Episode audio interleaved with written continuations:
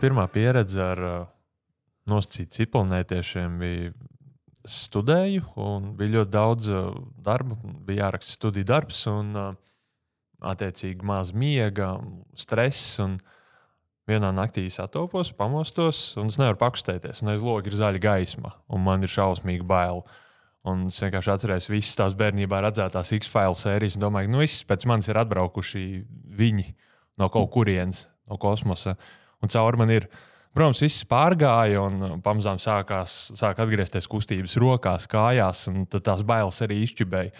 Nu, no rīta uzreiz pirmā lieta, ko es darīju, gāju googlē un meklēju, kas ar mani notika. Izrādās, tā bija vienkārši miega paralīze. Uh, ir tāds fenomens, varbūt par to arī būs kādreiz epizode, bet uh, tieši šeit aug kājas daudziem cilvēku stāstiem par to, ka viņus mēģinājuši nolaupīt ciklonētieši. Bieži to skaidro tieši ar miega paralīzi. Man arī šāda pieredze ir bijusi. Uh, Uh, Jāna, vai tev arī ir kāda pieredze ar cipelnētiešiem? Nu, mana pieredze ar cipelnētiešiem ir tāda, ka tieši man nav stāsta par pieredzi ar cipelnētiešiem. Un bērnībā es no draugiem visu kaut kur biju dzirdējis stāstus par uh, lidojošiem cīsiņiem, levitējošām aprikozēm un visādām citām lietām. Uh, un, un man liekas, ka es kaut kur baigi izpalieku. Tāpēc es diezgan mērķiecīgi centos uh, arī šeit skatīties debesīs, vai nezinu, kaut ko ieraudzīt. Jo man liekas, ka es esmu vienīgais no čomiem, kurš nav sastapies ar marsieti. Uh, Un, uh, toreiz, toreiz garajā sarunā, garajā starpbrīdī skolā man būtu rītīgi noderējis viens ķīnas balons kādā tajā vakarā. Tas būtu super, būtu varējis nosegt visu, ko vajag. Un, un, un, un pēdējā laikā ir ieraksti gan par tiem pašiem baloniem, gan par vairākiem citiem neidentificētiem lidojošiem objektiem. Ir iemesls, kāpēc mēs šodien runāsim par no, to labo tēmu, vai ārpus zemes viesi ir klāta. Jā, par NLO un uh, cik reāli, ka pie mums kāds var atlidot, vai mēs aizlidot pie kāda. Un par to šodien mēs kopā paspriedīsim ar um, astronomu Ilgonu Vilku. Sveiki! Labdien! Un ar raķešu konstruktoru Andreju Puķīti. Sveiki. Labdien! Nu, es domāju, ka mēs varam sākt uzreiz no paša, paša pirmā soļa, kas noteikti interesē katru klausītāju, kurš ir pieslēdzies. Visums ir milzīgs. Kā jums šķiet, vai citi planētieši eksistē, un ja viņi eksistē, tad kur viņi ir? Lūk, tas, uz jautājumu, kur viņi ir, atbildēt, laikam ir visgrūtāk. Bet vai viņi eksistē, nu, padomāsim loģiski. Visums ir tiešām liels. Uh, mūsu galaktikā vien ir apmēram 100 miljardi zvaigžņu. Un pēdējo gadu desmit pētījumi rāda, ka nu, vidēji pie, pie katras zvaigznes pa vienai planētai ir. Nu, tas nozīmē, ka ar, ar kārtu 100 miljardu planētu arī ir tepat mūsu pienceļa galaktikā. Tur ir tādi paši dabas likumi. Tur ir tādi paši ķīmiskie elementi. Un, ja kaut arī ļoti mazvarbūtīgs process vai spēja norisināties šeit uz Zemes, dzīvības rašanās, nu, tad tas varēja novest arī eh, notikt tikpat labi arī citur. Jautājums, protams, ir, vai tas viss var attīstīties tālāk līdz eh, tādam līmenim, nu, kā mēs gribētu. Mēs, ko mēs gribētu? Mēs gribētu tehnoloģisku civilizāciju, kas spēja mums sazināt, un piedāvājumi ir salīdzinoši labdabīgi, kas negribētu mūs iznīcināt. Nu, vai tādus var atrast, tas jau ir grūtāks jautājums. Bet par dzīvību nu, es pat uh, teiktu, ka diezgan droši, ka varbūt tuvākajos pāris gadu desmitos mēs atradīsim kādas dzīvības pazīmes. Turpat tepat Saules sistēmā. Ārpus zemes. Hmm. Ārpus zemes.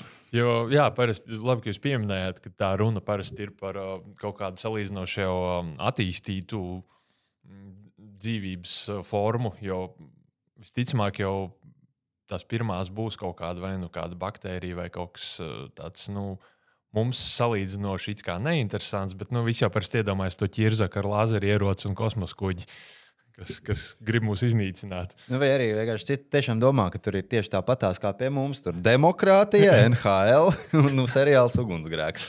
Jā. Jā, noteikti nav tā kā pie mums. Lai gan no otras puses, redzēt, lielā mērā to, kā, kā tās dzīvās būtnes varētu izskatīties, nosaka vide. Nu, ir ļoti labi piemēri šeit pat mums uz Zemes, kā dažādu evolūcijas virzienu dzīvnieki ir beigās nonākuši pie līdzīga izskata. Piemēram, zivis. Pludlīnijas forma, ja dzīvo ūdenī, kas ir blīva vide, lai varētu ātri pārvietoties, šāda forma vajadzīga. Haizivis. Tālāk, delfīni, vaļveidīgie, kas vispār ir dzīvojuši uz sauszemes un atkal pielāgojušies dzīvē ūdenī. Vai roņi, tas pats stāsts. Vai lūdzu pingvīni, pingvīni kas ir putni, kas kādreiz pingvīnu seņķi ir lidojuši, bet tagad lūdzu lieliski nirst. Peld zem ūdens. Tā kā Kāda tā vide? Tās vides varētu būt visumā nu, ļoti daudzveidīgas. Nekur nav teikts, ka jābūt tā smuki. Ir ūdentiņš, ir sauszemē un, un atmosfēra. Var būt arī citādāk. Varbūt tīri tikai ūdens planētas, varbūt pavisam sausas planētas, varbūt eh, planētas, kur ir milzīgas gāzu atmosfēras. Visums ir daudzveidīgs. Jā, mums, uh, tuvākā zvaigzne, ja neskaita saule, ir četri gaismas gada attālumā. Uh, Andrej, varbūt varētu pateikt, cik ar tiem raķešu dzinējiem, kas šobrīd ir mūsu rīcībā, nu, ne mūsu, ilgi, bet civilizācijas. Nu, civilizācijas. Mums, mums diemžēl, nav. nav Jā, es gribētu, bet nav. Uh, cik ilgi ar mūsdienu tehnoloģijām būtu jāceļo līdz uh, tuvākajai zvaigznei, četru gaismas gadu attālumā? Nu, īsa atbilde ir ļoti, ļoti ilgi. Bet nu, problēma ir tā, ka mums nav šobrīd nav tādu dzinēju, kas spētu šos attālumus pārvarēt kaut cik reālā laikā. Tātad mums nav dzinēja, kur ātrums varētu tuvoties, nu, kaut druskuļi tuvoties gaismas ātrumam. Pat teorētiski nav iespējams. E, jo problēma ir tāda, ka pašreiz mēs lidojam ar nosacītu ļoti neefektīviem dzinējiem. Tas ir ķīmiskie dzinēji. E, lai mēs dabūtu jebko prom no Zemes, mums tā tad ir vajadzīga milzīga enerģija, milzīgs ātrums. Šobrīd mēs to varam sasniegt tikai ar ķīmiskiem zinējumiem. Tālāk, jau tajā brīdī, kad mēs esam ārpus Zemes, mēs varam lidot ar dažādiem citādu veidu zinējumiem, ar jonu zinējumiem, ar elektriskiem zinējumiem, ar saules burām, sasniegt lielākus ātrumus, bet nu, no Zemes prom mēs pagaidām netiekam. Tā ir problēma. Problēma tiek risināta, viņi tiek risināti dažādi, bet nu, ir skaidrs, ka tas ķīmiskais zinējums ir tāds nu, nosacīts tupiks tālāk pa Saules sistēmu ar viņu aizlidot mēs īsti nekur nevarēsim un nevaram. Jo nu šobrīd tālākie objekti, kas ir, tas ir Voyager, kuri jau ir ārpus Saules sistēmas, bet nu, viņi ir lidojuši jau 50 gadus gandrīz. Un tātad, ja mēs šādā tempā lidotu līdz tuvākajai zvaigznei, ja nu mēs lidotu nu, nezinu, 80,000 gadus apmēram. Es eh, nesen tieši tā painteresējos. Eh, ātrākais cilvēks būvētais objekts ir Parkers Alzona, kurai tur ātrums bija tuvojas jau 600,000 km/h. Nu, var sakot, ļoti, ļoti ātri. Un ar eh, šādu lidaparātu arī līdz uh, tuvākajai zvaigznei ārpus Saules mums būtu jālido Šķiet, tur bija kaut kāds 6,5 gadu. Jā, kā... bet, nu, problēma jau ir vēl viena, ka nu, mums ir vajadzīga enerģija, lai apstātos. Ja mēs esam šo ātrumu sasnieguši, tad mums atkal ir jāsāk palēnināties. Kosmiskais parašūts laikam ne, nu, jā, nu, īsti nestrādās. Atkal kā, vajag dzinējumu. Jā, jo, nu, teiksim, tuvākās planētas, jā, nu, tur, tur tas ir iespējams. Un arī jautājums, vai tur var nonākt cilvēks un ko viņam tur darīt. Tas ir tāds milzīgs jautājums, kāpēc cilvēkam lidot kaut kur. Mm, jā. Es gribētu vēl piebilst pāris skaitļus, lai varētu saprast, nu, cik daudz mēs enerģijas iegūstam no ķīmiskajiem dzinējiem un tā, tā joprojām. Um, nu, ir slavena Einsteina formula E ir MC kvadrātam. Pat ķīmiskajās reakcijās, vienkāršā sadegšanā, šausmīgi niecīga daļa no visas tās masas pārvēršas enerģijā. Vai tā ir tiešām šausmīgi niecīga daļa? Viena miljardā daļa no tās uh, visas uh, masas tiek pārvērsta šādā te, karsto gāzu enerģijā, kas izplūst no raķešu dzinējiem. Uh, drusku labāk ir ar kodolreakcijām. Kodolreakcijās tas ir nu, 0,5, 0,7% jau pārvēršas. Tas jau ir labāks skaitlis. Nu, protams, ideālajā dzinēja būtu nu, tas slavenie fotonu zinēji, atceramies 50. un 60. gadu fantastiku, kuros eh, anihilācijā izmanto antivielu. Nu, tik, tikai viena problēma, tās antiviela nemētājās apkārt kosmosā, jo, ja viņi mētātos, tad dabiskā ceļā notiktu šī anihilācija ar vielu un visu laiku būtu sprādzienu procesi. Un, piemēram, lai saražotu vie, tik daudz vielas, kā uh, slavenā Dena Brauna grāmatā, kur bija Vatikāna paredzēts uzspridzināt, lai tik daudz antivielas saražotu, esošajam kodolpētniecības centram Ženēvā CERN būtu jāstrādā miljardu gadu ar tiem tempiem, kā mūsdienās cilvēku ražo antimatēriju uz Zemes. Līdz to kaut arī anihilācijas zinājums būtu simtprocentīgi efektīvs. Visu enerģiju pārvērst, visu masu pārvērst enerģijā. Uh, diemžēl. Mm -hmm kā to izdarīt. Mēs pieminējām uh, vojažerus. Uh, jā, viņi lido jau 50 gadus, un ir tālākie cilvēks būvētie objekti, kas ir aizlidojuši no, no Zemes vis tālāk. Un varbūt iedodiet to mērogu, cik tas būtu, ja pieņemam, ka pienceļa galaktika ir Zeme. Tad uh, Voyager šobrīd ir no jūglas līdz teikai, vai drīzāk no vienas šīs istabas sienas līdz otrai, vai varbūt vēl kāds cits mērogs. Es padomāju drusku savādāk izmēru modeli. Ja mēs iztēlojamies Saules sistēmu kā tādu lielu istabu, un tad Voyagers ir izlidojis no istabas ārā. Bet redz, līdz tuvākajai zvaigznei, tai pašai Centaura alfai, citām tuvākajām būs nu, daži desmit km. Centaura alfai apmēram 30 km. Nu, tā kā teiksim, salas pilsēta vai tālākas, nu, no tuvākajām zvaigznēm, tās tālākās, tā kā pilsētas Latvijā. Nu, tad var saprast, ka ja viņš ir tikai ticis no istabas ārā. Nu, Te būtu vietā faktiski viena anekdote izstāstīt par gliemezi. Proti, zvēriem bija ballīte, un viņiem aptrūkās dzērieni. Un viņi teica, kādam jāiet uz veikalu pakaļ. Nu, tad Gliemežs teica, ka viņš iešot. Nu, paiet kāds laiciņš, jau visiem gribās uh, kaut ko piedzert. Uh, Gliemeža nav. Viņš sāk kurnēt, kur tas gliemežs, ko tik lēni. Gliemežs turpat aiz durvīm un visu dzird un saka, ja jūs tā runāsiet, es tālāk neiešu. Lūk, Voyager ir tas gliemežs. Nu, diemžēl, bet tā tas ir visuma mērogos. Jā, tāpēc mēs nevaram viņam neko pārmest. Viņš vienkārši vienā brīdī pateiks, ok, labi, es lidoju veču atpakaļ. Jā, un plus vēl arī tas, tiešām, ko jūs minējāt, tā ir tikai tuvākā zvaigzne. Tā ir tikai tuvākā zvaigzne mūsu galaktikā starp neskat, nu, ļoti daudz galaktikām. Un ja kāds būtu aplausiens, to ņemies un lido un kaut kā esi atradis tehnoloģijas, lai aizlidotu. Nu, kaut vai simts gadu laikā tur nu, aizlido un tur nekā nav. Un tāds, oh, Labi, braucam atpakaļ. Bet, uh, nu, labi, skaidrs, mēs nevaram kā, aizbraukt un pagaidām apstīties. Bet, uh, vai tur ir vai nav tas marsietis? Kā ir ar uh, citām metodēm? Teiksim, nu, pagaidām līdz šim arī nav uztverta radio signāli no ārpuszemes būtnēm. Um, un tie ceļo ar gaismas ātrumu. Ar gaismas ātrumu jā. Jā.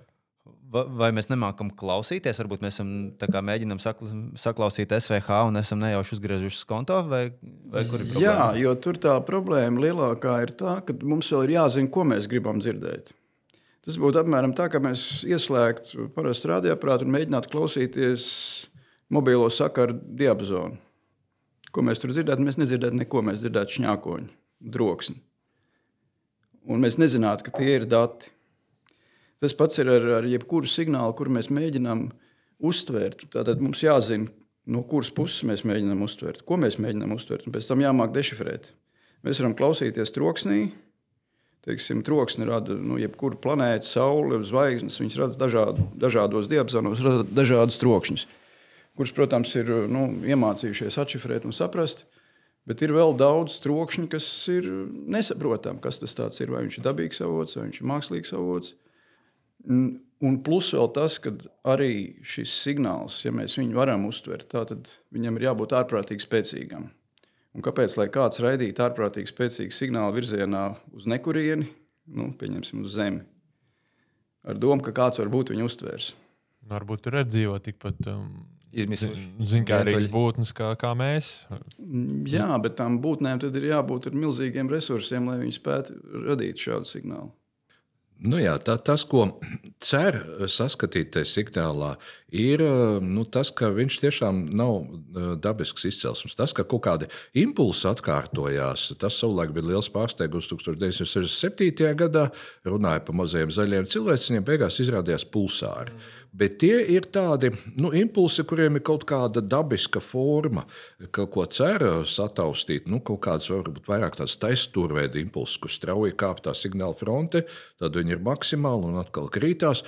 Un ideālā variantā mēs gribētu, ka mums atsūta ziņu, kaut vai tik elementāra ziņu, kā um, naturālo skaitļu rindu, lai būtu viens impulss, pēc tam pauzīti divi, trīs. Nu, tad, tad būtu viennozīmīgi skaidrs, jā, Tā, tas ir mākslīgs. Bet pagaidām, tieši tā kā Kārlis Puķītis saka, nu jā, ir signāli, kurus. Um, kuri nav atrodams, varbūt avots, no kurienes viņš ir nācis, bet uh, nu, nav šādu mākslīgumu pazīmju. Ar to jūs gribat teikt, ka planētas neprot skaitīt?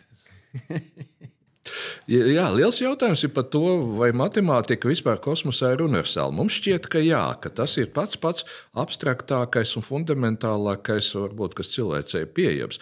Izrādās, ka pat vārdas jau māca skaitīt līdz trīs. Viņas māca atšķirt vai kaudzīt divas vai trīs mušas. Un kuru, kuru varības kaudzīt izvēlēties. Um, nu jā, bet vai citplanētieši māca skaitīt? Nu, it kā vajadzētu tā būt. Bet Kas to zina? Nu, jā, un vēl ir jautājums par to signālu būtību. Vai tas signāls ir radiovilnis, varbūt viņš ir kaut kas pavisam cits. Nu, kāpēc mēs uzskatām, ka tieši radiovilnim jābūt vienīgam? Gaismas kaut kāds. Varbūt gaisma, varbūt teiksim, kaut kāds kvantu starojums, varbūt arī. gravitācijas vilnis jā, nosacītais. Jeb, jebkas tas var būt. Tieši tā. Pēdējā laikā meklēju infrasarkanos uh, signālus, jo tie, tas ir diapazons, ko pašas zvaigznes mazāk staro, bet tas var būt arī gamma lāzers. Kāpēc ne? Um starp citu, lasot par um, astrobioloģiju, ļoti bieži tiek minēta tāda frāze, kā, kā life as we know it. Attiecīgi šī frāze arī implicē, ka varētu būt dzīvība, kur mēs pat nepazītu, ja mēs viņu redzētu. Jo mēs jau zinām tikai to, kas ir šeit, un mēs arī izdarām visus secinājumus balstoties uz tā, ko mēs esam pieredzējuši uz Zemes par dzīvības attīstību, kā tā izskatās, kā tā uzvedas. Un uh, ir pat arī tāda teorija, ka Nu, šeit dzīvības pamatā ir ogleklis. Uh, savukārt, uh, daži cilvēki spekulē, ka citur dzīve varētu būt bāzēta uz, uz silīciju. Ko jūs par to varētu teikt? Nu, uh, protams, ar ideju par silīciju spēlēties var, bet uh, īsti cauri tās neies. Tur ir divi galvenie iemesli. Ja mēs skatāmies, uh, kādi ķīmiski elementi kosmosā ir visvairāk. Visvairāk, protams, ir ūdeņraža, nākamais ir hēlijs. Hēlijs ir inertā gāze, viņš ir labs, lai tur notiktu noteikti veidu kodola reakcijas zvaigznēs, bet nu, tādiem dzīvības procesiem viņu neizmanto. Bet nākamais, trešais pēc atomu skaita ir lūkogaklis.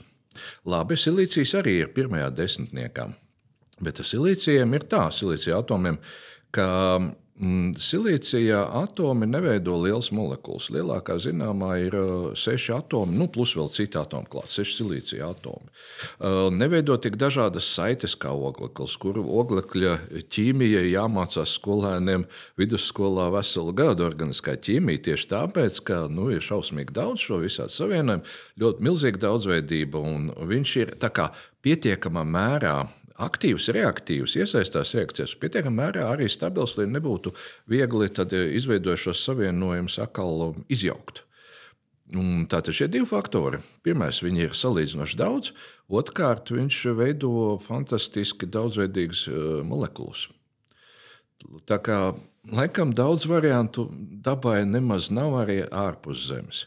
Un tāpēc dzīvība, kā mēs viņu pazīstam, ļoti ticams, ir labākais variants. Ja vien mēs nepiešķirsim drīzumā apziņu datoriem, tad silīcijas točni būs kļuvis dzīves. Nu, mākslīgais intelekts un tā tālāk. Tā, jā, tā, tas ir atkal pilnīgi cits stāsts. Uh, uh, nu, bet vai datoram jābūt uz silīciju bāzētam? Tā mēs darām. Mums ir silīcija mikroshēmas, kā ar piedevām viņš strādā kā pusvadītājs, jā, bet um, dators kā tāds, kas spēj apstrādāt informāciju, tur jau gan galvenais ir spēt rīkoties ar šiem bināriem elementiem. Bet tā, tad rezumējot to mēģinājumu izrauties un aizlidot ārā no mūsu saules sistēmas, kāds ir jūsu īsais rezumējums? Cik mums ir reāli to izdarīt vispār, jebkad, nevis šobrīd ar tiem, kas mums ir, bet ar skatoties, kā attīstās lietas un kādas ir tās vīzijas nākotnē? Nu, man, man šķiet, teiksim, ka cilvēkam šobrīd nav reāli to izdarīt. Ja. Iekārtām var būt, ja mēs palaidām zondi uz tūkstotis gadiem, viņa aizlido kaut kur. Kāds varbūt to kādreiz arī uzzina. Cilvēkam pirmkārt ir jautājums, kāpēc? Kāpēc viņam kaut kur lidot? Labi, atklāšana, izzināšana, tas viss ir skaisti. Bet tie ir pirmkārt milzīgi resursi, Tātad viņiem jābūt ar kaut ko pamatotiem. Ja mēs atklājam kaut kādus energoresursus vai citus liederīgus resursus uz asteroīdiem, uz mēnešiem, nu, tad varbūt parādās kaut kāda lielāka vilkme cilvēkam uz turieni doties un kaut ko iegūt. Um, lidot tūkstošus gadus nezināmā virzienā, nu, apšaubām. Ir viens eh, miljardieris, Jurijs Milners, kurš diezgan daudz savas naudas ir izlēms tērēt šādai idejai, bet uh, ievērojami vienkāršākai. Viņš cer palaist burtiski tādu dažus kvadrātcentimetrus, nu, dažus centimetrus, centimetrus lielu, nu, nosacīt, teiksim, mikroshēmu ar uh, Kādu, bet kādā veidā? šāda, šāda niecīga kosmosa kuģa pēdiņās, nu, kur tur nevar uzlikt enerģijas avotu. Tāpēc šaut pa viņu ar lāzeru no Zemes, jaudīgiem lāzeriem, un tas viņa projektā patreiz ir vājākais punkts. Tādu lāzeru, kā viņš to gribētu, gigavatu jaudu, tādu vēl nav. Viņam tāds vajadzētu kārtu simts. Protams, to kuģīti ir uztaisīt vieglāk, bet nu, iztēlosimies, ka tas ir izdarīts, ka viņi uzšauja viņš sasniedz tur jau kaut kādu desmitdaļu gaismas ātrumu. Un eh, pēc 40 eh, gadiem palido garām Centaura alfai. Spēja kaut ko reģistrēt, ir kā viņam kāda neliela sensora, un mm, spēja noraidīt signālu atpakaļ. Un tādas palaist labi daudz, lai nu, vismaz kādu sasniegtu mērķi. Šis ir projekts, ko var realizēt nu, dažu gadu desmit laikā, līdz 2050. gadam. Teiksim. Nu, ja viens cilvēks ir to izlēmis izdarīt, un viņš iegulda savus resursus, nu, kāpēc ne? Kāda no tā visa būs atdeve, grūti pateikt. Bet no mm, gramu smagas mikroshēmas līdz kosmosa kuģiem ar cilvēkiem, protams, vēl ir ļoti liels solis.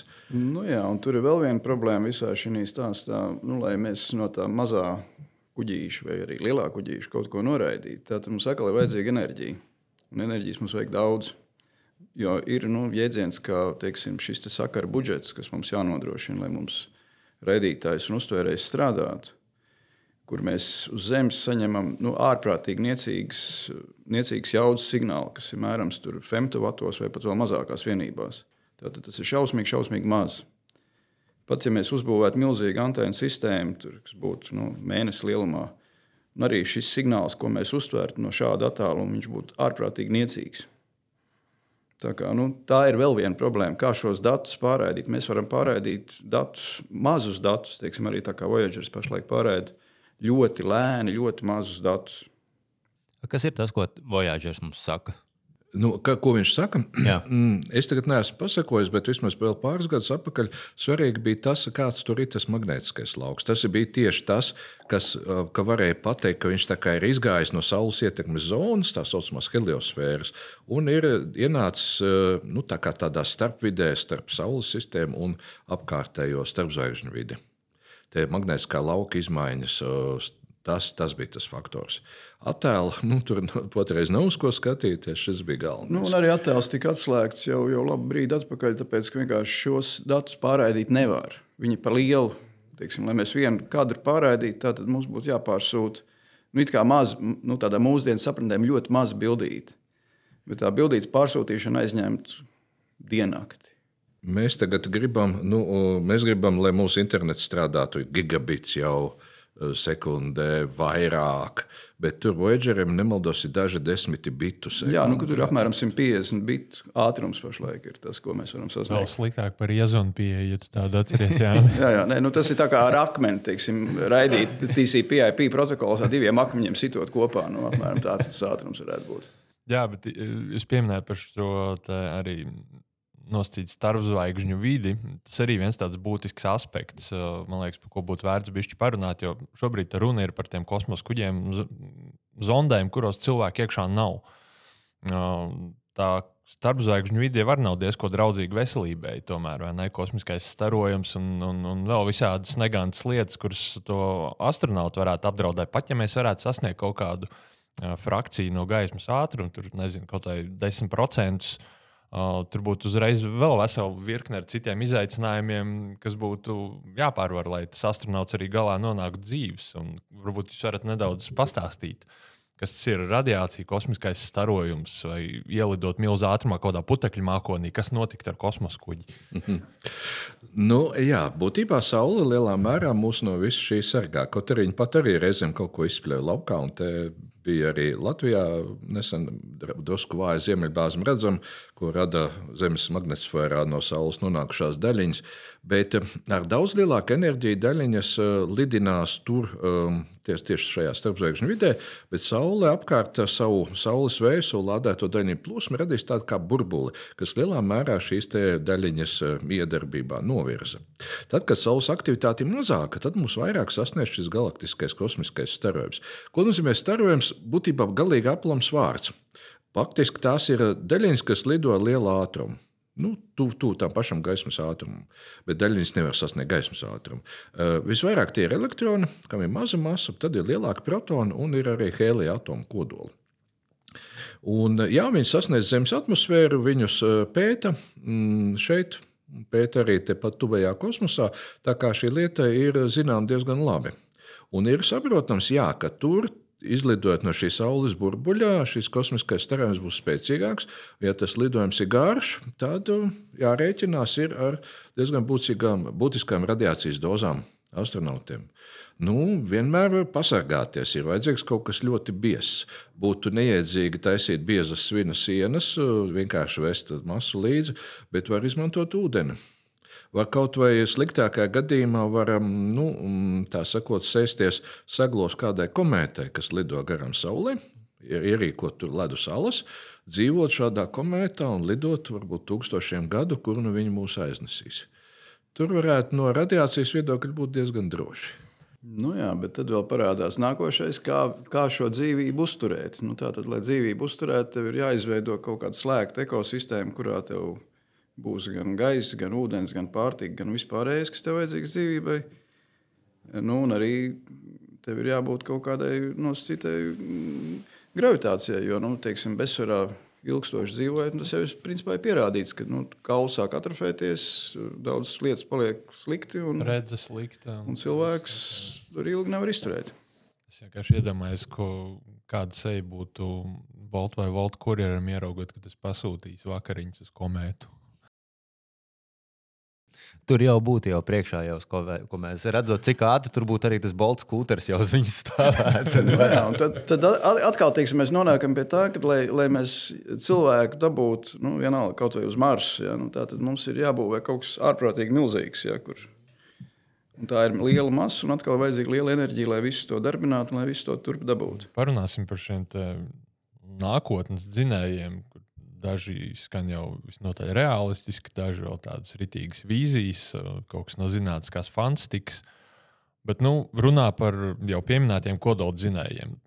Tostarp arī saistībā ar ceļu uz Marsu. Šobrīd prasa atkarībā no izvietojuma. Parasti kaut kādi, cik tie bija 8 mēneši, apmēram jā, 8, 9. Tad ar kodoldzinējiem jau to laiku saka, ka varot saskaldīt uz pusēm. Nu, Kā ir ar šiem dzinējiem? Būs viņi mums vai nebūs kosmiskiem lidaparātiem? Nu, visticamāk, ka viņi būs, bet tur vēl ir pagaidām stipri daudz problēmas, lai, lai, lai viņi tā droši teikt, ka viņi būs. Ja, jo, nu, pirmā problēma ir, kur likt siltumu, kā šo reakciju teiksim, e, padarīt normāli vadām. Tātad mums nav vairs vietas, kur mēs varam vienkārši siltumu izmest ārā, ja, jo nu, tas tā vairs nestrādās. Un arī pats tas kodolzinējs, nu, tas nav tāds tik triviāli vienkārši lieta, teiksim, kā uzbūvēt atomzemūdeni. Nu, salīdzinājumā. Ja? Tur jau ir katra rīta ja? pa vienai uztaisīt. Jā, jā. Bet nu, tad mums ir šādi atomzemūdeni, ir jāuzbūvē kosmosā ar visu saistīto, kas ir ar šo vidi, kas ir sarežģīti, grūti. Nu, tā tad tas nav viegls uzdevums. Jā, idejas par šādiem kodolzinējumiem tika izteikts jau ap 1965. gadu. Bija tāds projekts, ja nemaldos, viņš arī saucās Orion, līdzīgi kā tagad jaunais NASA kosmosa kuģis. Um, bet nu, tur tālāk idejām netika. Šobrīd atkal NASA drusciņi runā par to, ka varētu sākt projektēt kodola dzinēju, bet no projekta līdz realizācijai paies ilgs laiks. Un tas nebūtu, es saprotu, kodola sintēzes zinējs, bet jau tieši tā, kā Andrejs saka, labi, kā Kārlis saka. Andrejs Sorry. Um, uh, Šīs te labi, pa, pa, jau salīdzinoši labi pazīstamos kodola dalīšanās tehnoloģijas. Nu, par 60. es vispār nebrīnos, ka viņi tur bija domājuši jau kodola dzinējus, jo tas bija tas laiks, kad uh, kodola tehnoloģijas. Daudziem ļoti patiks. Viņas, man liekas, arī kodola skūteri būtu izdomājuši. Jā, jā, jo tajā brīdī tas atoms, atoms bija jauks un patīkams. Un uh, bija arī projekti, kur pat gribēja palaist šādas atomu raķetes no Zemes. Bet, nu, protams, to diezgan ātri saprata, ka tas nebūs forši, ja viņi pēkšņi neaizlidos mm. tur, kur vajag. Un Jā. Vēl, vēl drusciņā agrāk bija pat eh, reklamēja dažādas eh, radioaktīvas ziedas veselības Jā, un kas tur vēl. O, nākamais solis. Jona dzinēji, un es pat esmu skatījies uh, YouTube prototipus nelielus, kur, kur viņi darbojās. Jā. Jauna dzinēja, tā jau ir realitāte, un viņi lido, un lido daudz. Lido viņi ir uz, pārsvarā uz uh, satelītiem, uz mazākiem, lielākiem. Uh, Tā ir jau tehnoloģija, kas jau ir, nu, var teikt, beidz mūs 40 gadus vai 30 gadus vismaz viņi jau eksistē. Bet uh, visiem šiem jaunzinējiem ir viena problēma. Pirmkārt, tā, ka uh, viņi rada ļoti, ļoti niecīgu vilkli, kas ir labi satelīta manevrēšanai. Bet nu, slikti, teiksim, kaut kādas lielas masas pātrināšanai. Nu, protams, viņš var strādāt ilgstoši, un tādā veidā viņš var pātrināt. Ja, jebko, bet, uh, un otrs ir tas, ka viņam tāpat ir vajadzīga, vajadzīga masa, ko izmest. Nu, Tātad pašreizējie jonzinēji lielākoties strādā uz ksenonu. Uh, Ir arī cits, uh, citas gāzes, kā, kā, kā viņi var darboties. Nu, arī šis mums jāņem līdzi. Un atkal mums vajadzīga ir enerģija. Mums Var vajadzīga elektroenerģija, ar ko visu šo jonzinēju darbināt. Šeit būtu jāatcerās no skolas impulsa formula, kas bija M reizes V, masa reizes ātrums. Redz, ja mēs varam kaut ko izsviest ar ļoti lielu ātrumu, kā tas ir Jonzinē gadījumā, tad vajag mazāku masu. Jā, bet vienalga, vienalga esošajos nu, zondē, starpplanētu zondēšanā masa ir kārta daži desmit kilogramu, var- varbūt kādā nedaudz vairāk. Bet, un atkal, puķīšu kungam taisnība. Tā enerģija vajadzīga, kā pātrināt šo masu līdz tam milzīgam ātrumam, elektriskajā laukā. Nu, tur atkal vajag ārēju enerģijas avotu. Saules sistēmā, saules tūmā var izmantot saules baterijas. Jā. Tālāk, prom no saules tas nestrādās. Nu, atkal mums jāņem līdzi atomreaktors. Nu, tas vienīgais tāds kompaktais enerģijas avots šobrīd zināmais, kā mēs varētu enerģiju radīt. Labi, pieskārāmies jau arī um, saules burām. Tās versijas tiešām tur visādas arī, kā, kā jau tika minēts, kur lidaparāts tiek dzīts uz priekšu ar, ar lāzeriem, kas tiek izstarot no zemes. Uh, cik tālu esam līdz kaut kam šādam, ja mēs jau pat runājam, varbūt ne par mazu satelītu vai zondi, bet par kaut kādu jau nopietnāku kuģi, kurš būtu piemērots astronautu lidojumiem. Uh, ir pāris piemēri. Ir pāris saules burbuļs izmēģināts tepat uh, orbītā ap Zemi. Un uh, vienai Japāņu zondē bija nu, kāda 60 km2, varbūt nu, tas tāds paliels palaks, vai ne? Varbūt tenis laukuma izmērā drusku mazāks, um, kas uh, nedaudz mainīja šī aparāta uh, ātrumu pārlidojuma laikā no Zemes līdz Venērai. Tā kā izmēģināt šī tehnoloģija ir, un es gribu piebilst, ka praktiski pirms eh, simts gadiem viens no pirmajiem pasaulē, kas par šo tehnoloģiju sāka runāt un veids pirmos aprēķinus, bija nu, mūsu labs, eh, labi zināmais rīznieks Friedrichs Sanders. Eh, Viņš viens no pirmajiem pasaulē šos aprēķinus veica, bet viņš nespēja tajā laikā nopublicēt, un tāpēc prioritāte vairāk citiem. Ideja ir simts gadus veca. Izmēģinājumi ir līdz plašām ieviešanai, nu, laikam diezgan tālu. Atkal kāpēc? Tā saules burbulis ir vajadzīgs milzīgs. Tā tad ir jāspēj iztīt eh, palaks eh, nu, kādu kilometru reiz kilometru liels. Un jau viņš jānospriego, lai viņš neplivinās uh, savu uh, elastības dēļ, un nu, tad viņš zīs uz priekšu nelielu aparātiņu. Nu, ja tas palaks ir ļoti plāns, tad masa nebūs pārāk liela.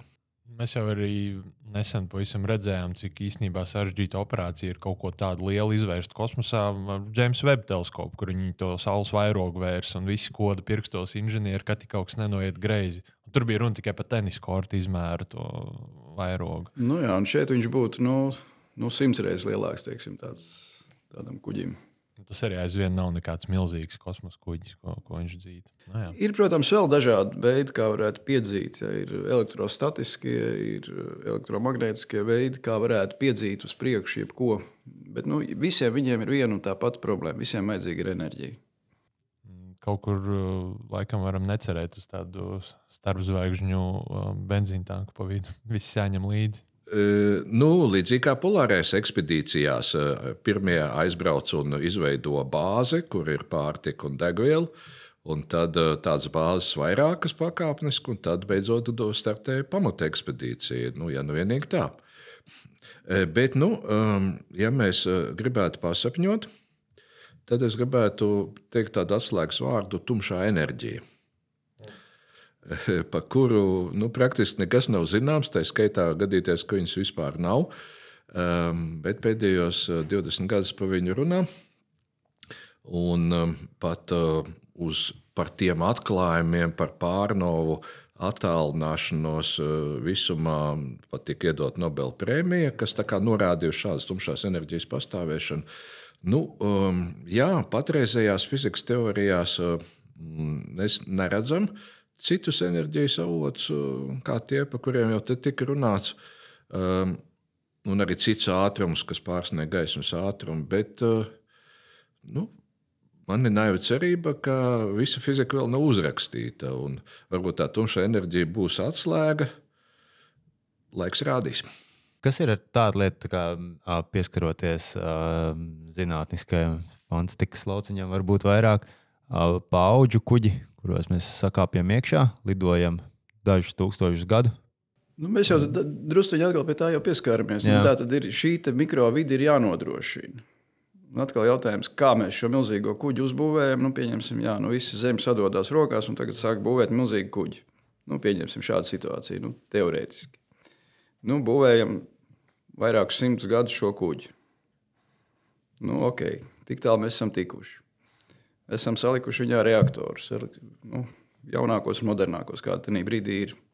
Jaunākos un modernākos tā brīža dzinējs. Nu, tad atkal jautājums, nu, tad kāpēc un uz kurien mēs lidosim? Kā mēs zināsim, ka tur, kur mēs aizlidosim, kaut kas būs interesants? Nu, man liekas, ka bieži vien šis jautājums, kāpēc tā arī paliek neatbildēts, vienmēr atrodas uh, mūsu sugā. Cilvēku sugā vienmēr ir uh, kaut kāds procents īpaņu, nu, kas ir gatavi doties arī bez atbildes šo jautājumu. Bet um, tev vēl kas, piemēram, Jā, par to pašu vidas nodrošināšanu. Zemes ir veikuši, ir veikti eksperimenti, kad veidoja slēgtu ekosistēmu, kur gan nāca iekšā saules gaisma un saules siltums.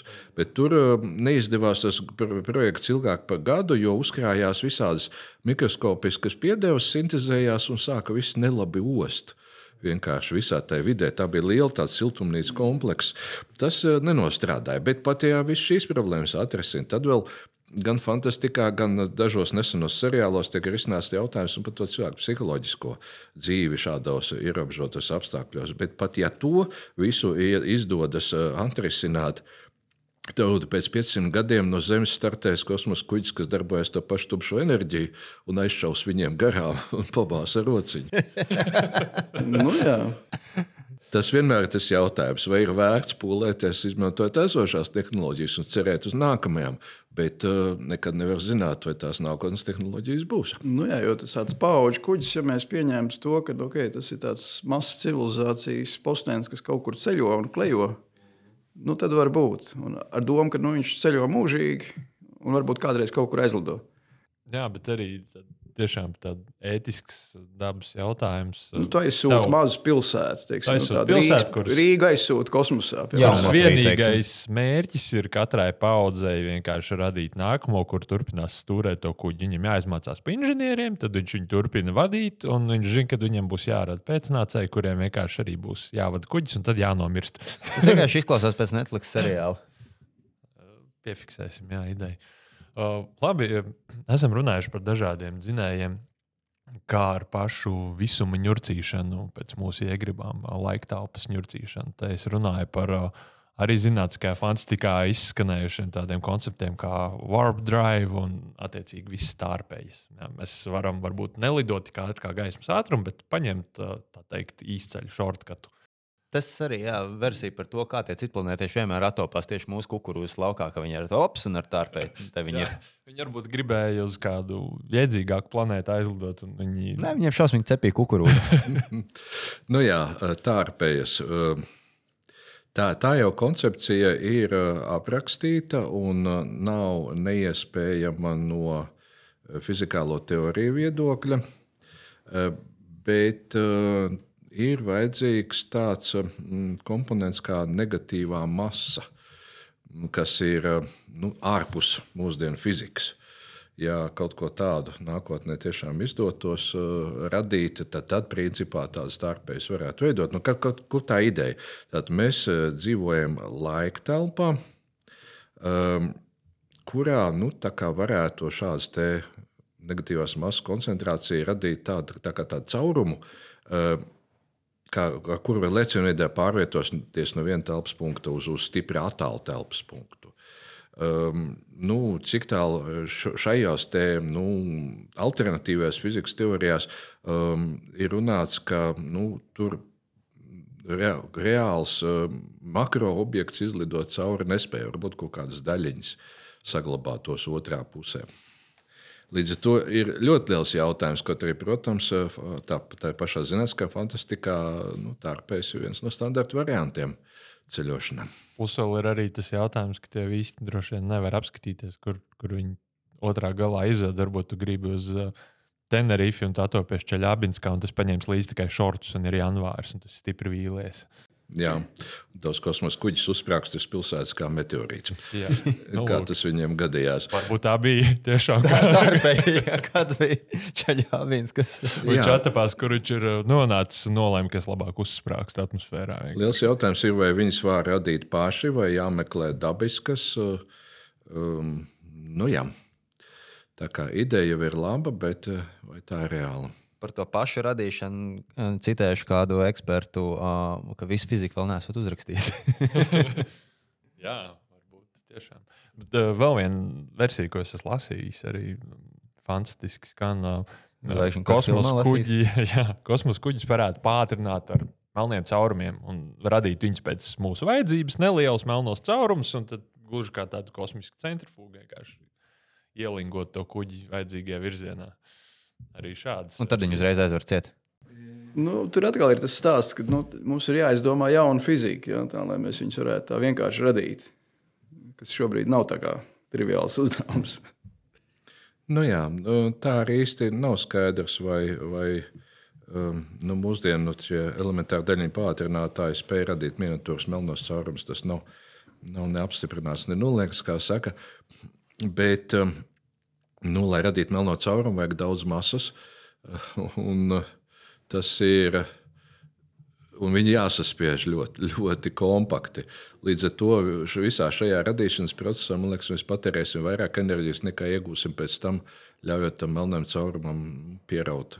Raut mūsu nevis viņā iekšā, tas nebūtu labi, bet lai raut uz sevi, un tam mēs pēdējā brīdī palidojam garām. Tā varbūt kā lingu to varētu izmantot. Bet pēc tam viņš vilkt atpakaļ. Lai gan no otras puses šāda sistēma zinām, tādā veidā kosmiskie aparāti pātrinās, izmantojot planētas gravitācijas lauku, lidojot tām garām. Tas ir gravitācijas manevrs, kuru starp citu arī viens no pirmajiem pasaulē reiķināja tas pats Friedrichs Sanders. Kāda mums ir īdznieki? Jā. Arī šis jautājums arī parādījās starp uh, lasītāju vairāk kārtīgi iesūtītu jautājumu, uh, kas man liekas, ka to ir korekti uzdoties šajā brīdī, vai visas tās tehnoloģijas, par kurām mēs tikko runājām, spriežam to, ka tāda fizika vēl neeksistē, tad fizika jāparaksta, vai citplanētā tiešām varētu būt tehnoloģijas, kas pieļauj starpzvaigžņu lidojumus. Nu, tad ir vispirms jāsaprot, vai mums šie citplanētieši, nu, tātad, ko mēs ar viņiem saprotam. Ja? Nu, ja viņi ir tik avansēti, kāpēc viņi šeit nav? Tātad viņi nevar. Tas ir pirmais. Vai arī viņu nav šī laikā. Tātad, nu, ja mēs pieņemam to, ka dzīvība ir uh, universāla visā kosmosā, kas arī ir jautājums, tad varbūt vienkārši nu, mēs esam ne tādā laikā, ne tādā vietā. Un neviens cits tāds uh, pietiekoši avansēts civilizācijas šobrīd tūmā nav. Kurām ir tā pati problēma, kāpēc lidot kaut kur tik tālu, ja tur nekā nav. Jā, mēs gal galā radiosignālus arī varam noraidīt. Cik 170 gadus, kaut kādas 50. Jā. Ļoti mazs laika lokus sanāk. Un... Jā, esot bijusi tāda mm, eh, fiziķu uh, saruna savstarpēji sen atpakaļ ap 1960. gadu, un tad kodolfiziķis Enrico Fermi esot izsaucies, bet kur viņi ir? Un tā radās tas slavenais Fermi paradoks. Jā, vēl jau vairāk tas, ka Saulē nav tā jau vecākā zvaigzne, ir pa viņu miljardiem gadu vecāks. Un, ja mēs pieļaujam, ka tas viss visumā ir universāli, tā dzīvība, un daļa no viņas attīstās līdz šiem kosmisko lidojumu līmenim, tad pirmkārt mums vajadzētu redzēt no attāluma kaut kādus efektus, ka viņi kaut kādā veidā pārveido sev apkārtējo vidi, tādā mērogā, ka to var pamanīt. Un otrkārt, nu, agrāk vai vēlāk kādam vajadzēja atlidot. Protams, ir izteikts ļoti daudz idejas um, par to, nu, kāpēc. Uh, kā šo paradoksu atrisināt? Nu, pirmā vienkāršākā ir tā, ka tomēr tas civilizācijas ļoti rets un līdz to attālumu ļoti lieli. Un mēs neesam vienkārši trāpījušies viņa ceļā. Nu, tālāk vēl vis visādi varianti. Ieskatot to, ka Zeme varbūt ir rezervāts, uh, kur grib saglabāt dabisko vidi, neizmainītu. Tas starpgalaktiskais rezervāts. Uh, Un ļoti daudz citu ideju. Nu, vai arī vēl varianti to, ka vienkārši civilizācijas varbūt neattīstās līdz šādam līmenim, kā mēs saprotam, teiksim, tādu tehnoloģisko civilizāciju, kur ir spējīgi lidot un mainīt apkārtni. Varbūt viņas aiziet pavisam citā virzienā. Jo nu, arī tas ir. Mēs visu laiku izējām no tā, no tā viedokļa, kā mēs to saprotam, kas ir dzīvība un kāda ir civilizācija un kas ir, kas ir vispār civilizācija. Ja? Ja, jo nu, tādā ziņā ir, teiksim, ir ir ļoti laba grāmata, Solaris un arī filma, ja, kur nu, dzīvības formas pieņem pavisam citu veidu. Tas ir domājošs okeāns, piemēram, kuram vispār nav. Nevar saprast, vai tas ir viens organisms vai daudz organismu. Tas tāpat kā pieņemsim, skatītos uz sēnēm. Ja. Nu, tu nezini, vai tās sēnes ir viens organisms, viņas ir saistītas, vai tas ir vairāk organismu. Vai viņas domā, vai viņas nedomā, un kas tas vispār ir. Ja, kā, nu, tur ir ļoti dažādi tie varianti. Jā, pavisam nesen bija arī tāda publikācija, tāds uh, jauna pieeja Fermija paradoksam, ka cipelnietieši īstenībā ar mums nemaz nav sazinājušies, tāpēc ka no viņu skatu punkta uz Zemes nav inteliģences pazīmju. Proti, viņi varbūt paskatījās, saprata, ka te īstenībā nekā nav pārāk gudra, un tāpēc arī viņi mums nekādu ziņu nav devuši. Bet no otras puses, gribētu piebilst, ka mūsu Zeme ir diezgan unikāla planēta. Jo kā, kas ar nu, viņu notika, kā mēnesis izveidojās, nu, vismaz tā šķiet, ka tāds liels objekts Zemē ietriecās un samaisīja visu to masu, izsviet daļu ārā, no kuras izveidojas mēnesis. Bet tā samaisīšanas rezultātā mums ir daudzi dažādi metāli, citi smagi elementi, kas ir svarīgi priekš tehnoloģijām. Um, ir nonākuši Zemes garos ārējā kārtā. Mēs varam rakties reizēm dažus simtus vai dažus kilometrus dziļi un viņus iegūt. Citas, uz citām Zemes tipu planētām varbūt nemaz tik bieži tādu nav. Tas, tas noteikti sekmēs mūsu civilizācijas attīstību, un varbūt tas var kādu ieinteresēt, ka kādu, kāds gribētu nākt iegūt šeit, nu, nezinu, irīdiju vai kaut ko citu labu, platīnu. Tagad ir labākā podkāstu daļa, lasītāja iesūtītie jautājumi. Jā, ar katru epizodi šie jautājumi paliek aizvien vairāk, un šie jautājumi diezgan bieži paliek aizvien dumjāki. Es nezinu, ko tas stāsta par mūsu klausītāju, bet, bet man patīk. Pats pirmais jautājums, kas ienāca praktiski uzreiz pēc tam, kad mēs izsludinājām jautājumu pieņemšanu, vai jūs, eksperti, gribētu, lai citu planētieši mūs vispār ap, apciemo? Mēs runājam, vai viņi ir vai nav, bet vai jūs vispār gribētu, lai te atbrauc kosmosa kuģis, tur nezinu, lidojošs īsiņš vai kas tur. Ja jāizvēlas starp Ķīnas spiegu balonu un cipelnētiešiem, ko labāk? Nu, droši vien labāk Ķīnas balons. Jo, pirmkārt, tas ir saprotams, jo nu, arī tas jautājums, teiksim, atbraucot citplanētiešiem, nu, kā ar viņiem sazināties un kas tas tāds vispār, nu, vai mēs vispār viņus atpazīsim, tas ir pirmais jautājums. Jo mēs balstamies, balstamies tikai uz tādu nu, stereotipisko citplanētieti, pelēko vīriņu ar, ar, ar lielu kuģi. Ja? Tas var būt dažādas formas. Nu, nav obligāti viņam jābūt kā humanoidam. Viņam nav jābūt teiksim, ar, ar valodu, kā mēs to saprotam. Līdz ar to tas saprašanās moments paliek ārprātīgi sarežģīts. Un pat ja izdo, izdotos šādu veidu kontakti, nu, ir, eh, un ja tā tad viņi spēja atlidot, un mēs pie viņiem nevaram aizlidot, tas liecina par šo te tehnoloģiju līmeņa atšķirību. Eh, nu, vienmēr visur pie mums uz Zemes vismaz tas ir beidzies bēdīgi priekš aborigēniem. Uh, milzīgs kultūras šoks. Jā, varbūt kaut kāds mēs varētu pārņemt tehnoloģijas, drīzāk, ka nē. Un, nu, tā redzam. Es par to pašu arī, uh, ko jūs minējāt, biju iedomājies, skatoties to jautājumu. Jo uh, fakts, ka viņi spētu teiksim, šeit atlidot, nozīmē to, ka viņi ir tik daudz reizes tehnoloģiski avansētāki. Un, ja viņi teiksim, nebūtu draudzīgi noskaņot vai ieraudzītu, kas mums šeit notiek, nu, nu mums tas tiešām labi nebeigtos, ko mēs ņemam. Bet no otras puses, es, principā, es gribētu gan, jā. Tas, tas tad vismaz pierādītu to faktu, ka ārpus Zemes kosmosā ir dzīvība ar uh, daudzkārt tehnoloģiski avansētāk, tad domāju, viņi atlido, viņam jau ir 20. iPhone. Jā, ar, ar 17 kamerām aizmugurē. nu, dzīvība mēs droši vien, ja, ja viņi ir iespējami, tad mēs visticamāk viņu tiešām atradīsim Saules sistēmā. Tas varētu būt uh, lielo planētu mēneši. Vis, vistuvākā tāda vieta, kur teorētiski varētu būt labvēlīga vide. Tas tā saucamās okeāna. Jā, jā, jā, tieši tā. Eiropu un, un Kalisto un, un tam līdzīgi. Ja? Kur var būt iespējams kaut kādas mikro, mikro dzīvības formas nu, vai, vai teiksim, organisku savienojumu? Vēl viens brīnišķīgs lasītāja jautājums. Es nezinu, vai jums būs uz šo ko vispār atbildēt, bet uh, kura planēta ir visstiprākā? ja runājam par ciprātiešiem. À, citu, no citu planētas planētām. Mm, nu, es tik labi nepārzinu zvaigžņu kara pasaules. Uh, Saules sistēmā Jupiters jo lielākā. Jā, varbūt tāds nopietnāks jautājums. Pret cik lieliem un bīstamiem meteorītiem mēs sev varam šobrīd aizstāvēt? Jo arī nesen bija tas gadījums, mēs ar tieši Reģu spriedām, ka par šo noteikti varētu arī atsevišķu epizodu taisīt. Bet, uh, nu, visticamāk, ne pret kādiem pašlaik.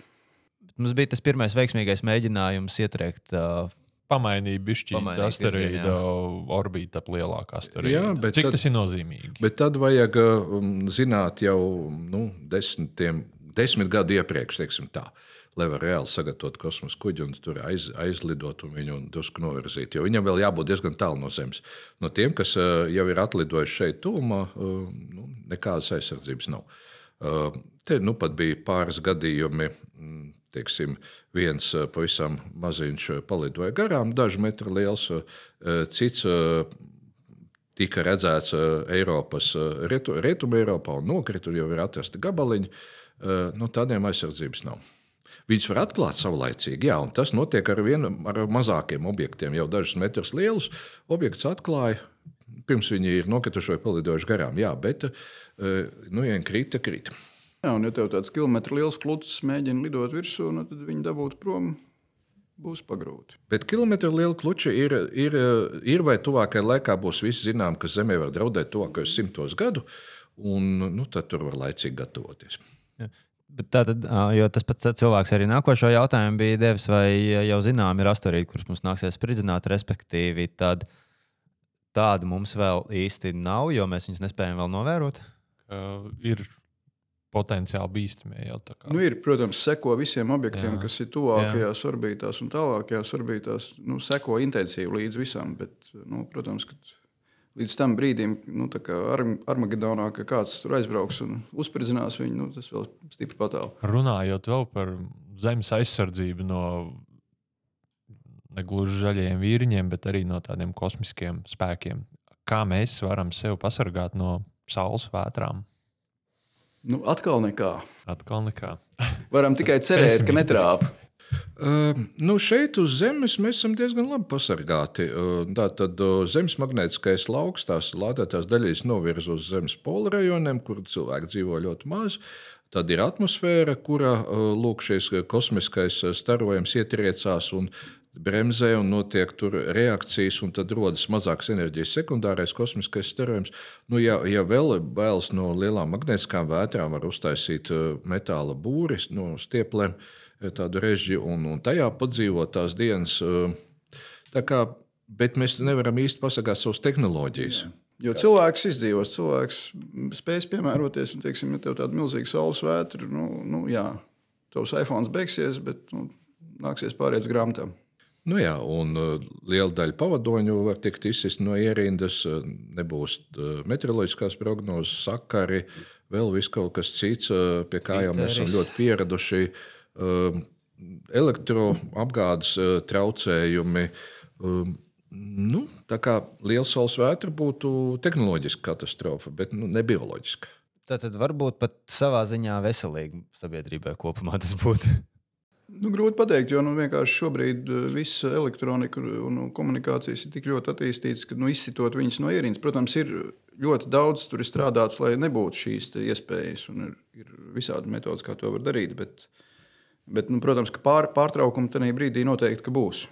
Šeit ir arī jautājums, kas ir atsauce uz uh, filmu Diktators. Nezinu, vai kāds no jums ir redzējis Saša Barona Koena komiķa uh, filmu. Vai raķešu galam ir jābūt spicam?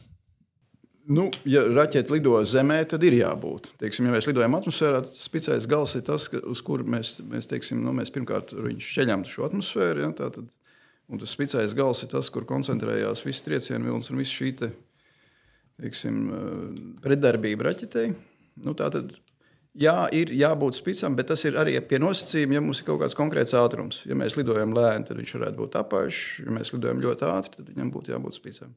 Un, ja mēs lidojam ārā, nu, tad vairs nav svarīgi. Tad mēs varam lidot arī ar, ar kantēnu galvu. Es nezinu, vai šī, šī bija kārtējā Ilona Maska vienkārši um, mēmju padarīšana, bet uh, viņš tieši nesen kādā intervijā minēja, ka atsaucoties filmu Diktators un uh, Spico galu, viņš esot vienam no saviem kosmosa kuģiem arī uztaisījis uh, spicāku galu.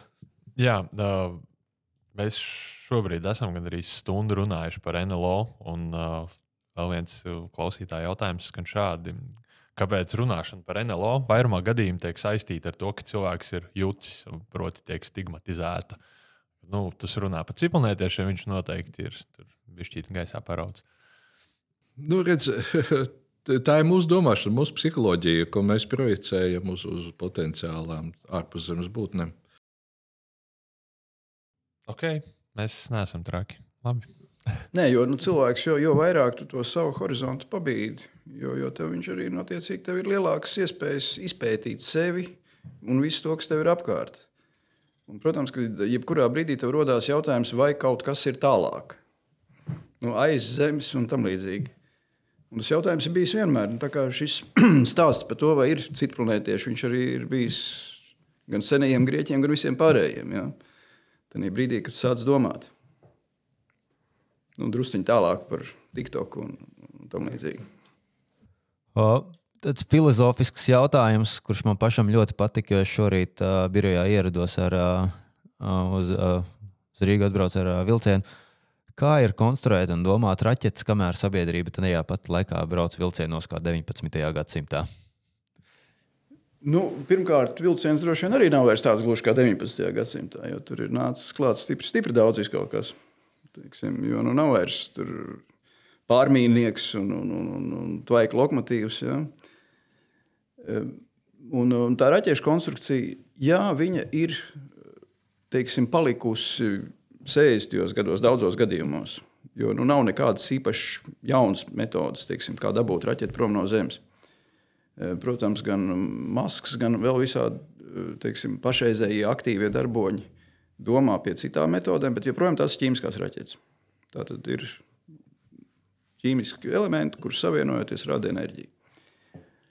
Bet, nu, protams, strādā arī visas lielās, gan, gan NASA, gan, gan Krievijas puses, gan vēl visādas citas lielās organizācijas, kuras, kurām ir milzīgie resursi. Nu, viņi strādā arī pie citiem, citiem, met, citām metodēm, kā, kā šo raķeti dabūt prom no Zemes. Ehm, te arī ir tas eh, moments, eh, nu, proti, eh, darot kaut kādas lietas, cilvēks iemācās tās darīt. Un, man liekas, tas ļoti pozitīvi, jo pēc tam to var izmantot. Nav obligāti jābūvē mm, raķetes, šīs zināšanas izmantot citās jomās, Nu, ne, bet nevienmēr mums vajag domāt tikai par praktisko pusi.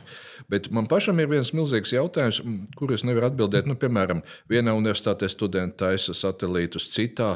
Un bieži vien ir tā, ka viņi nu, sakot, sāk no nulles. Viņi paši visu domā, domā, domā.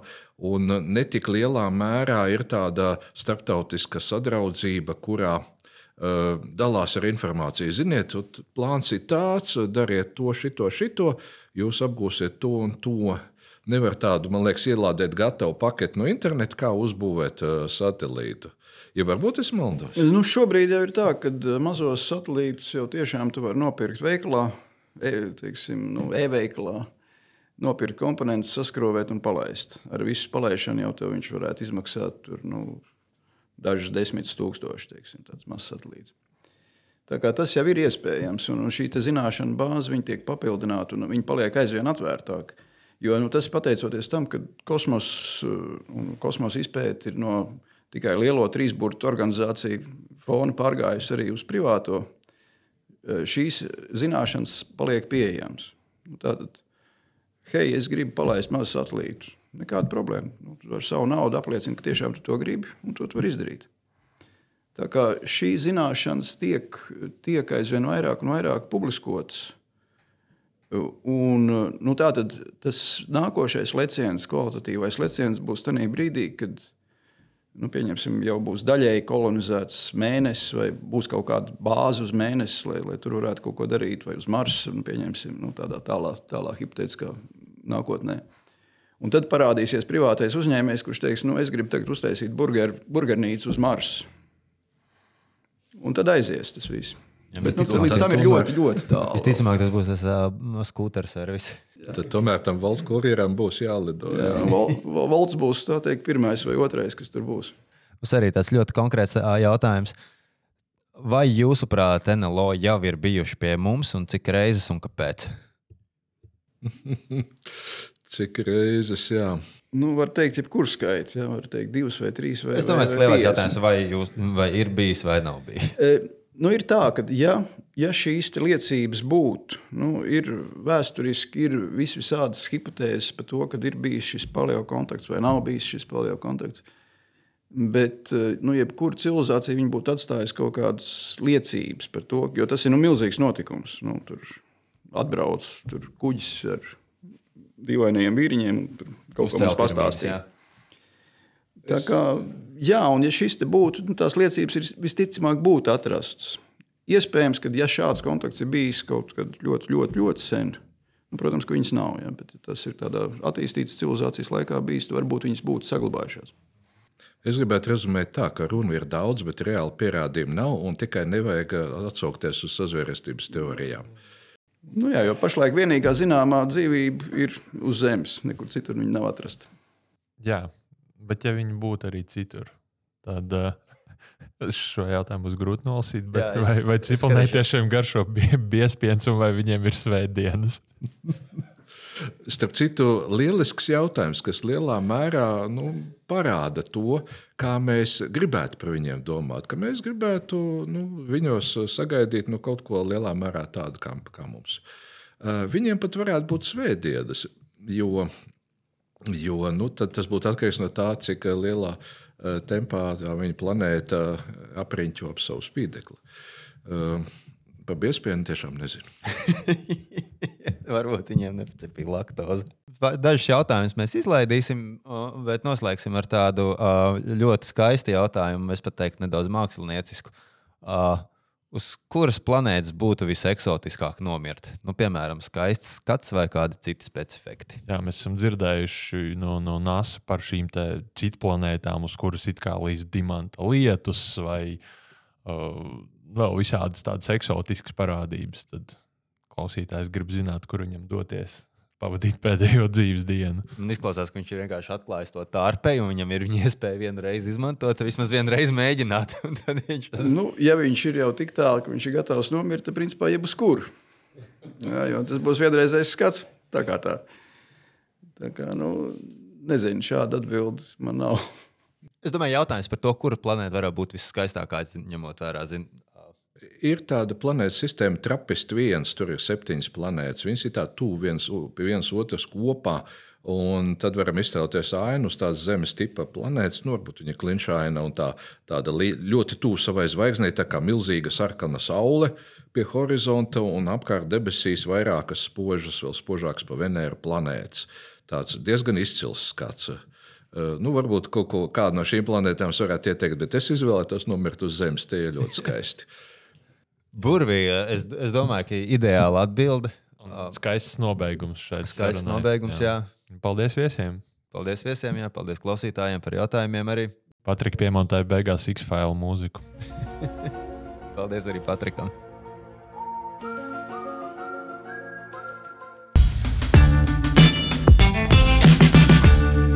Podkāsts Zinātnē, muļķības ir tapis ar Mēdīju atbalsta fonda līdzfinansējumu.